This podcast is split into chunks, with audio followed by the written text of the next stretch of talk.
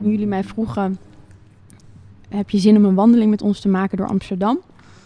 Dacht ik ja. En toen, toen, dacht ik, dan wil ik eigenlijk wel dat als een soort alibi aangrijpen om weer eens naar de plek te gaan waar ik geboren ben. En waar ik zo de eerste jeugdherinneringen heb die een beetje af en toe door foto's uh, beïnvloed zijn, maar sommige ook niet.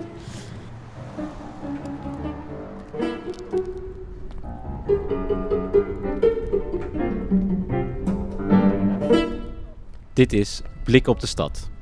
Anouk Nuyens, theatermaker bij Frascati, hey, hallo, hey. neemt ons, Franka Bouwens Franka. Ja. Hey. en Jochem Veenstra mee op een wandeling door Amsterdam-Zuid. Super fijn, ja.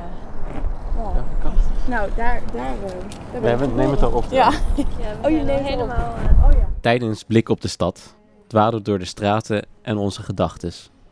We laten ons meevoeren door wat ons opvalt en invalt.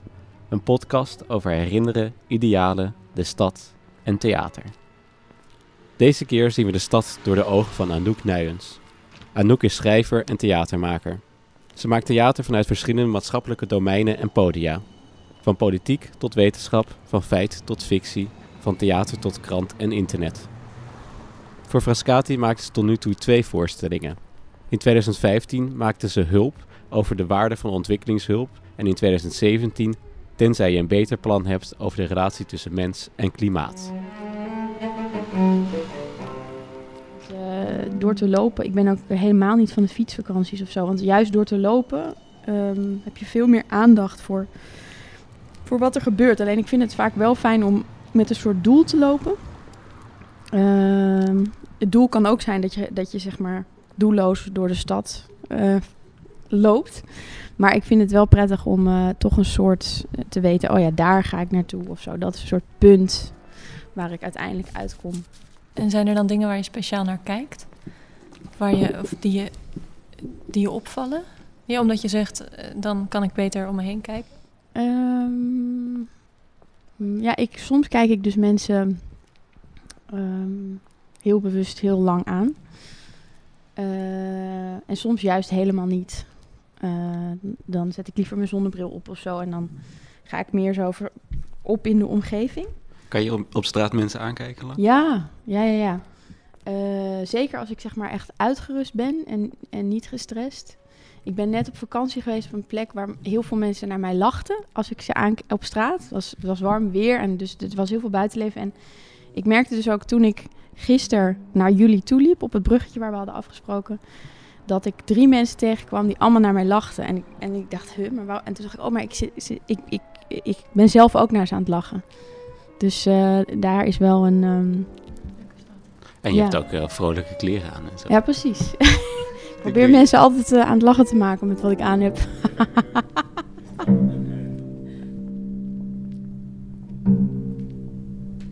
een soort geheim stukje Martin Luther King Park.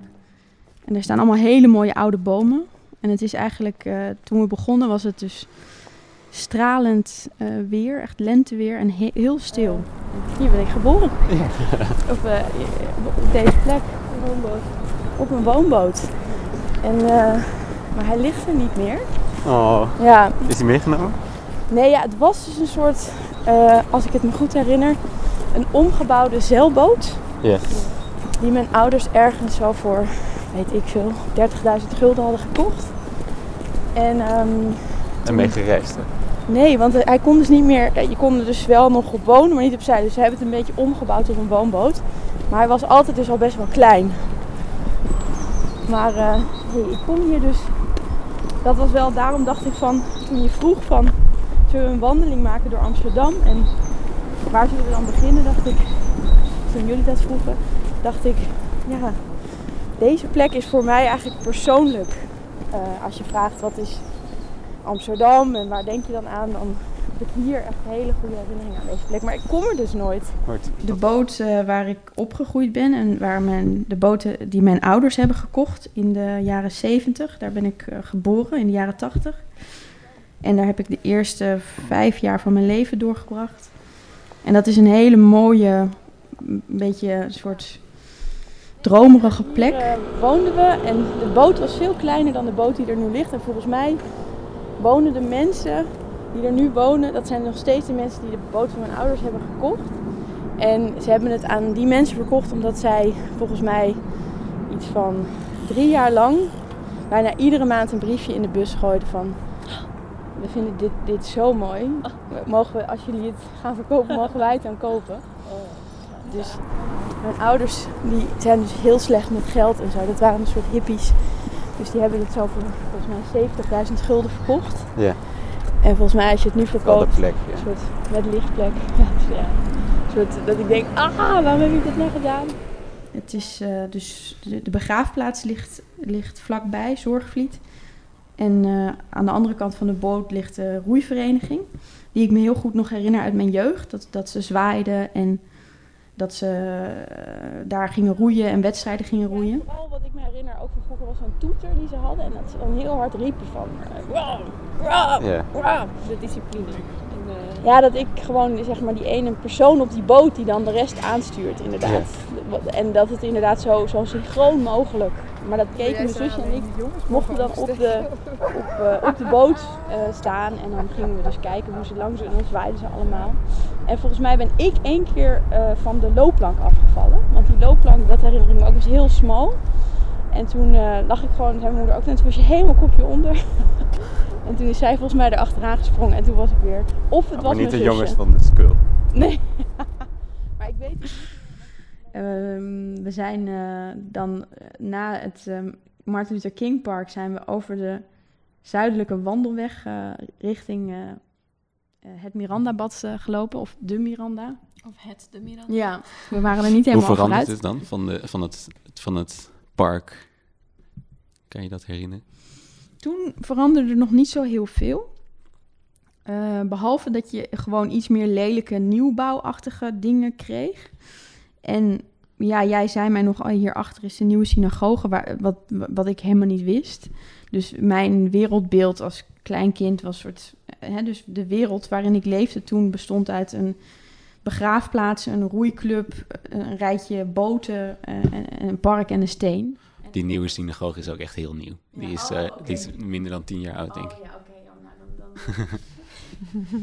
maar eh, dus die was heel beperkt, mijn wereld. En die eindigde eigenlijk een beetje bij het Miranda-bad. Dus daar gingen we wel voor mij een soort grens over van mijn hele vroege jeugd naar meer mijn, ehm mijn eh, jeugd, zeg maar, dat ik zo zes, zeven werd. En we dus ook letterlijk liepen we eigenlijk zo de volgende fase in mijn jeugd in. En we stonden daar even stil, toch? We stonden daar even stil, ja.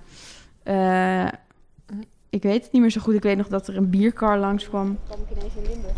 Bij de, de dorpsbrouwerij. Die nooit dezelfde route rijdt. Wauw, Wist je dat? is dat zo? Ja. Bang voor overvallen? Of, eh? Er zit niks in. Oh, echt niet? Dit is gewoon reclame. Maar een soort kar met twee hele mooie paarden ervoor. Met zwarte paarden met witte hoeven.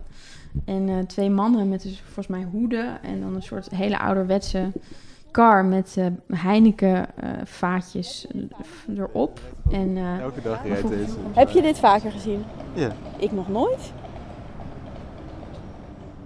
Bizar. Zeg maar, ik werd ouder en ik, ik, ik, eh, ik stapte een beetje uit die droomwereld in die, bij dat park en die boot en veel meer de stad in. En ook in, een, eh, in het gesprek met mijn ouders stapte ik eigenlijk ook. En ik be- begon meer op te vangen eh, van, mijn, van het werk van mijn vader bijvoorbeeld.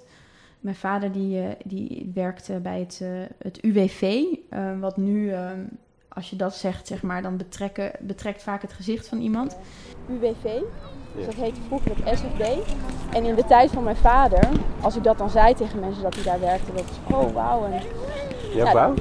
Ja, het is nu helemaal anders. Dat is dus nu het grappige. Ik heb het daar best wel vaak met mijn vader over. Dat hij nu... Mijn vader werkt 40 jaar nu bij het UWV. Ehm, en Nu is toch alsof je een strafhok in hij, mijn vader volgt nu agressiviteitstrainingen. Omdat hij in de rechtbank aangevallen wordt. Maar in die tijd was dat een... een eh, ja, dat was, dat, dat was werk voor de staat. En het UWV heette toen nog het SFB. En dat, dat ging over hè, uitkering en sociale vangnet. En dat, dat was een, een, een mooie baan. En dan vertelde die erover dat, dus iemand, dat er heel veel ge- gefraudeerd was in de bouw en dat ze daarachter waren gekomen. En dat ik het dan echt goed vond dat mijn vader, die, die, die boeven, het waren waarschijnlijk VVD'ers, dat hij ze aan ging pakken. En om, om het geld, want dat moest gewoon naar, zeg maar, naar de, de, de, de, de, de bijstandmoeder, zeg maar, van, van een vriendin van mij. En, en eh, het moest gewoon eerlijk verdeeld worden. Ja. ja, maar ik had ook best wel een idealistische jeugd. Mijn ouders de, ja, zijn toch zeg maar hier een beetje in, naar Amsterdam gekomen vanuit een soort droom die ze hadden over de wereld. En mijn vader had van die hele lange haren en een lange baard en zo'n John Lennon brilletje. En mijn moeder had altijd bloemenjurken aan.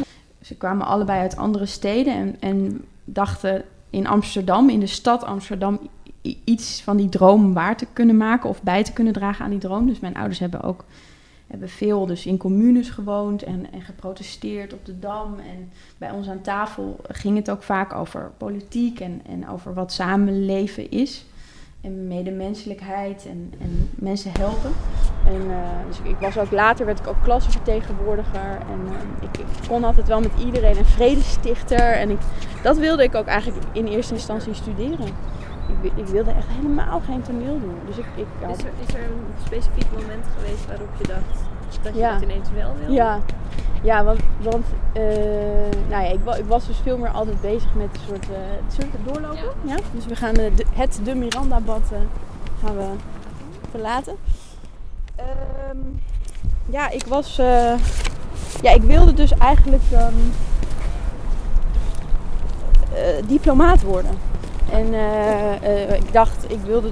eh, Als kinderwens of was het Nee, meer... nee, toen was ik wel al ehm 18 of zo. Hm. En ehm, Ik ben eigenlijk het theater ingestapt ehm, doordat ik een boek las van Marianne van Kerkhoven. Dus ik wilde in eerste instantie diplomaat worden en conflictmiddelaar. En, en, ehm, dus ik studeerde dat ook. En toen deed ik een gastcollege bij theaterwetenschappen. Toen las ik een boek en toen was ik helemaal verkocht. En toen ben ik hals over kop, eh, eh, heb ik mijn studiebegeleider eh, gevraagd... mag ik alsjeblieft van studie wisselen? Toen heb ik haar leren kennen in Brussel. En heel veel van... Zij heeft eigenlijk alles wat ik doe... ehm, heb ik van haar geleerd. Ik heb ook nooit een toneelschool gedaan, nooit jeugdtheaterschool. Ik was eigenlijk ook niet zo geïnteresseerd in theater. Maar zij heeft mij eigenlijk, eh, door, door naar haar te luisteren en naar haar te lezen, dacht ik, er is zoveel mogelijk in dat theater.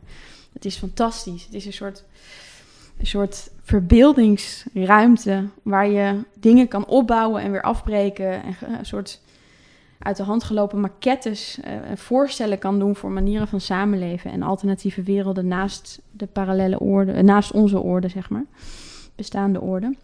Mensen wordt toch wel anders. ja, Ja, verschil. verschillen. Ja, Hebben jullie vaker dat bouwvakkers hallo zeggen? Ik heb Ja. het echt nog Ja, nooit. ik eigenlijk altijd. Ja? Ja, Ja. dat is wel echt verschillend. Ja. Of iets over, eh, Over je kleren? over, je, nou, over je billen of over je Echt? tieten. Zeker. Nog steeds? Ja? Nog Ik moet ik- Doe je nog steeds? Nou, dat, ik, dat- in mijn beeld is dat echt een soort van ouderwets. Nee, ouderwets niet. Niet dat het met ouder worden te maken heeft. En dat, ja. Gisteren zeiden ook twee bouwvakkers ons gedag. En mij zeggen ze dus nooit gedag. Ja, discriminatie, hè? Je haren laten groeien. Ik heb heel lang haar gehad. Oh, Ja. nee. Ja, ja we- dat, dat verbaasde mij wel weer dat jij verbaasd was over het feit dat Ja. wij zo vaak worden aangesproken. Ik moet wel zeggen eh, dat ik. eh, ik ben nu 34. En toen ik 21 was, ja, was het, ja, toen schrok ik er meer van. Hmm, ja. En nu eh, denk ik, nou ja, als het, heel er, als het zeg maar heel beledigend is, dan, dan zeg, schreeuw ik wat terug. Ja, maar dit was niet beledigend. Nee. toch? Nee. Dit was Nee, toch maar het kan ook eh, eh, soms echt Ja, eh, ja, dat snap ik. Ja, precies. verder gaan. Nou, dan gaan we hier naar rechts. Kijken Ja. waar we lopen. Ja, we lopen in de rivierenstraat, eh, in de rivierenbuurt. Om precies te zijn in de Uiterwaardenstraat. En hier heeft eigenlijk ehm, een beetje het, eh, het ja, een beetje zo na de boot, dus na, na eh, Martin Luther King Park, verhuisden we naar de Rijnstraat. Dat is hier 50 meter verderop, daar lopen we nu naartoe. En hier heb ik heel veel, dit was het korfbalveldje. Daar kon je tennissen. Mijn moeder tenniste hier af en toe. En er zijn nu ook mensen aan het tennissen. Dus niks veranderd. Ehm, En hier gingen wij heel vaak, eh, speelden we. En, Van mijn vijfde tot mijn elfde woonde ik in de rivierenbuurt waar ik... eh, waar mijn vriendinnetjes ook woonden. Win Hellitzer, eh, toneelspeelster, die woonde vlak bij mij in de buurt. dus hier zeg maar zo boven. Dus, eh, En gewoon een kleine gezinswoning. ja, ik vond het heel groot natuurlijk, want het was een... Ja. eh, Vergeleken met de boot. maar het is inderdaad gewoon een kleine gezinswoning. Maar we wonen daar dus met vier kinderen en een hond en een kat. Eh, ja, en, en we hebben daar staan kijken naar de Erker, waar ik heel vaak zat en naar beneden keek. Met oud en nieuw bijvoorbeeld naar de... Wa- daar zat een Chinees die altijd heel erg veel rotjes en zo had en vuurwerk. Dus daar, daar keek ik dan naar. Ja, en dan, en dan ging ik hier, bij de si- sigarenboer, ging ik wel eens voor mijn vader dan eh, een pakje sigaretten kopen. Dat weet ik ook nog.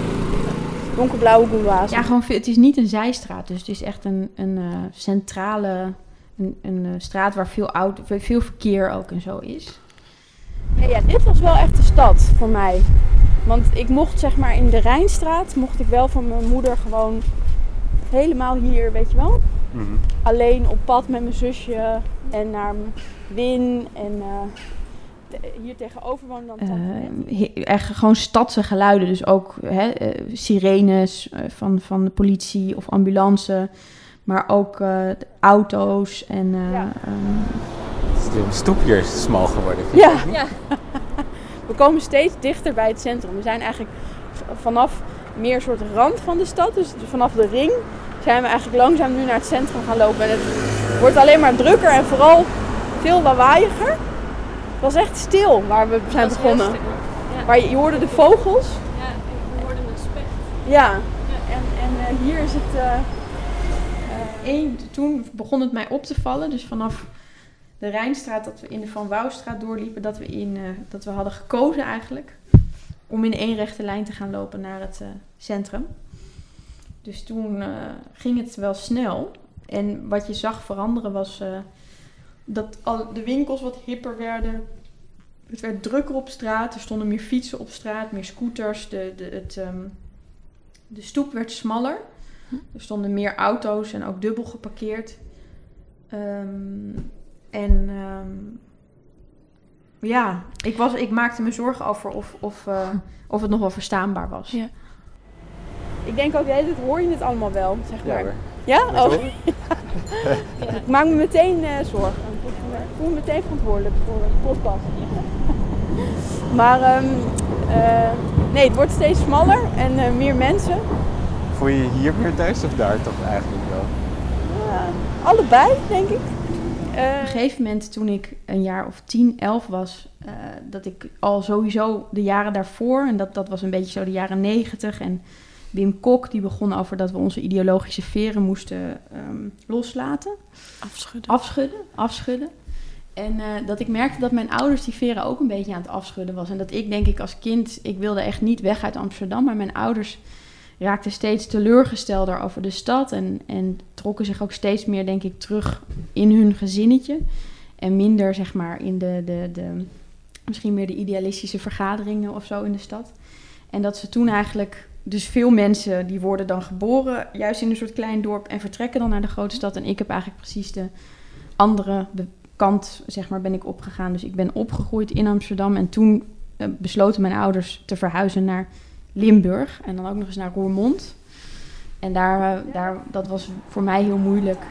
ja, ik weet nog dat ik aan mijn ouders, dus ik had een discussie van, want ik wilde niet weg hier. En dat zij mij gingen uitleggen waarom ze weg wilden. En dat mijn moeder de hele tijd zei, de stad is de stad niet meer. En ehm, het is niet gelukt. Ik zag op een gegeven moment ook langzaam aan onze eettafel gewoon steeds meer de teleurstelling van mijn ouders. En toen ging eh Wim En wat was niet gelukt? Die droom, zeg maar, de, die, die, die droom van een soort internationale solidariteit en gelijkwaardigheid. En ik heb toch het gevoel dat mijn ouders op een gegeven moment, da- het was ook de jaren negentig en een soort, die hele economie ging goed. En, en Wim Kok, eh, de, de toenmalige leider van de PvdA, de rode vieren af. ja, de, ide- onze ideologische veren moeten we afschudden. En eh, ja, dat, dat mijn ouders op een gegeven moment dachten, oké, nou ja, dan schudden we die veren maar af. Maar dan eh, gaan we ook weg. Ik denk En- dat en ik toen heb besloten dat ik terug zou gaan naar Amsterdam om die droom van mijn ouders een beetje af te maken. En dat ik dat misschien nu onbewust, maar dat is iets wat ik niet bewust heb besloten of zo. Maar onbewust is dat iets, denk ik, wat, wat ik me nu besef. Uh, dat, Eigenlijk klinkt het alsof ze heel erg meededen met de tijd. Totaal. Mijn ouders zijn één grote metafoor eigenlijk, denk ik, voor de P van de A en de, de- of de, de sociaal-democratische droom, de opkomst en het, het jonge idealisme en dan ook. Ik ben ook echt in de PvdA gezin. Ja, Mijn moeder die was altijd bezig met de PvdA. dat ja. mijn werk heel erg ook gaat over hoe kan het eigenlijk dat, ehm, dat zo die hele sociaaldemocratie en, en ehm, al die, die normen en waarden die we als, als samenlevingen na de Tweede, Wereld hebben op, de Tweede Wereldoorlog hebben opgebouwd, eh, nu zo aan het zijn. Eh, ik heb soms wel een groot verlangen om ook zeg maar. Want ik denk, ik moet hier weg uit de stad. Eh, ehm, ik begin denk ik ook voor het eerst een beetje te begrijpen waarom mijn ouders toen de tijd weggingen. Omdat die, de, soms ook de chaos, in de chaos en in de drukte of zo van de stad. Ik vind dit ook heel erg een tijd waar heel veel mensen aan het zoeken zijn. En dat is aan de ene kant heel mooi, omdat zoeken ook beweging betekent en mogelijkheden. En... Maar aan de andere kant frustre- ben ik ook heel vaak gefrustreerd over, over hoe langzaam het allemaal gaat en hoe. hoe ehm, En dan bedoel je de verandering. ja. En, en, en, en, d- ja. En aan de andere kant is dat ook weer heel geruststellend. Dat het zo langzaam gaat. Als ik diplomaat word, dan ga ik proberen zo hè, die bouwwerken dan een beetje weer rechtop te bouwen. Maar volgens mij moeten we helemaal overnieuw beginnen. En dat is eigenlijk dat lege podium. Dus die, die lege ruimte waar je kan bouwen en weer afbreken. Is theater dan een middel of een doel? Ja, eh, Ja. Ja, ja, weet je, soms denk ik wel eens, oh, moet ik niet, eh, moet ik niet naar Frankrijk of zo, weet je wel, in een bos. Maar ehm, ik denk dat ik daar gewoon op, naar, op vakantie moet gaan en dan weer terugkomen in de stad. Ja, je invloed is directer en groter hier, tenminste. Ja, en ook zeg maar, me, me- het, je kan, ja, ik weet niet, je- volgens mij werkt theater gewoon het beste in een stad. En in, eh, ik denk dat ik een stad ook zo zie als een soort ehm, grote vijver met, met allemaal, allemaal mensen erin. Ja, dat is een beetje een gek beeld. Maar eh, waar, waar in die pool van alles mogelijk is, omdat mensen elkaar tegenkomen en elkaar bestuiven. Misschien zijn het meer bijen eigenlijk. Misschien zou je Amsterdam meer als een soort ehm bijenkolonie kunnen zien. Als een bijenkorf. Waar al die mensen, zeg maar, die elkaar tegenkomen. Wij komen elkaar nu ook eventjes tegen, tijdelijk. En we hebben een gesprek. En jij zegt iets waardoor ik iets denk. En ik zeg iets waardoor jij iets denkt. En dan gebeurt er iets. Hm. Dus ik geloof heel erg in, ehm, in eh, interactie en in dialoog. Veel meer dan in een soort autonoom kunstenaarschap. Waar je alleen op je kamertje gaat zitten en alles gaat uitwerken. Dus mijn werk staat altijd extreem in verbinding met andere mensen. Ik betrek ook altijd heel veel mensen. Ik gooi het liefst mijn praktijk open en betrek huisartsen of NGO-medewerkers of missionarissen bij, bij wat ik maak. Eh, en ik reis heel graag ook om mensen te ontmoeten en plekken eigenlijk het theater in te brengen. Maar ik ga ook heel graag uit het theater. daar is wel een mooi parkje.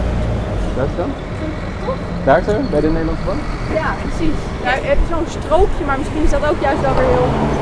Ja, is dat goed? heel eh, kijk, de zon gaat schijnen. Heerlijk. Je gebruikte gisteren, dat was ook toen we helemaal op het eind op dat plein zaten. eh, gebruikte je een, een soort metafoor of je, je had het over, eh, ik denk dat dat theater naar de Dam was. Kan dat? Of het was... ja.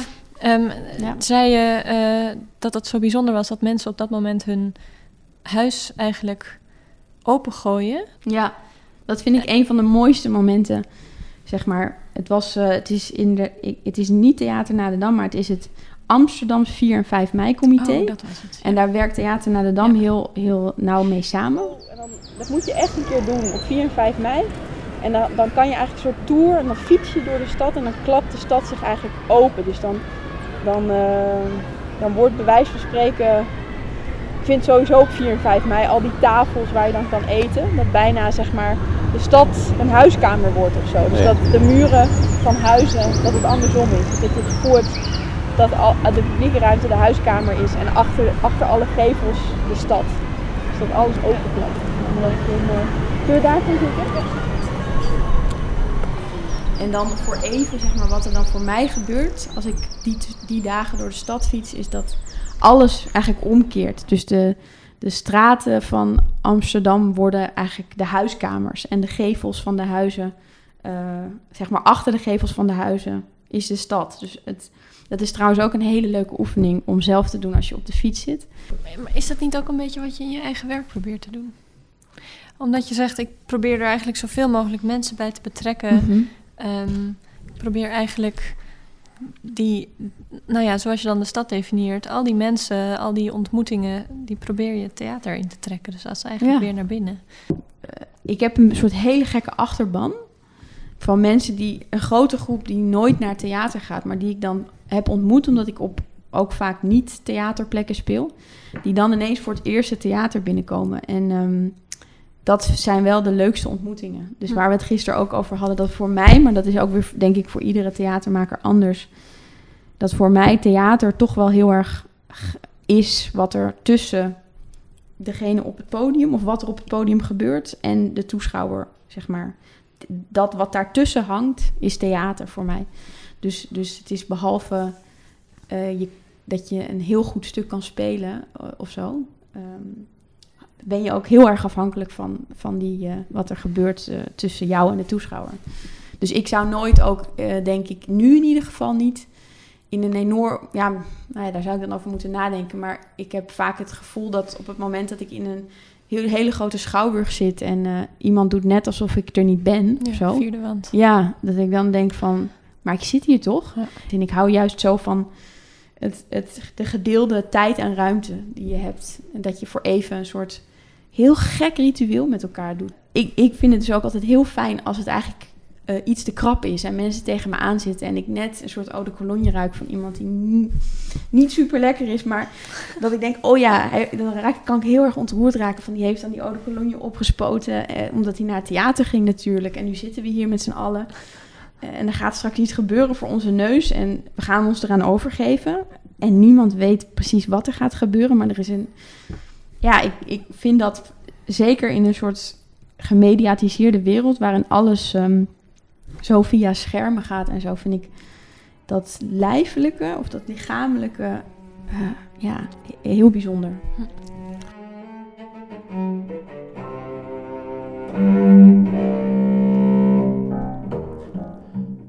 Blik op de stad werd gemaakt door schrijfster Franka Bouwens en toneelspeler Jochem Veenstra. Franke schrijft en vertaalt onder andere poëzie en Jochem is onderdeel van de theatertroep. Blik op de stad is een samenwerking tussen Radio de Richel en Frascati Producties. Voor meer podcasts van Radio de Richel ga naar radioderichel.nl. Podcasts van Frascati zijn te vinden op frascatitheater.nl.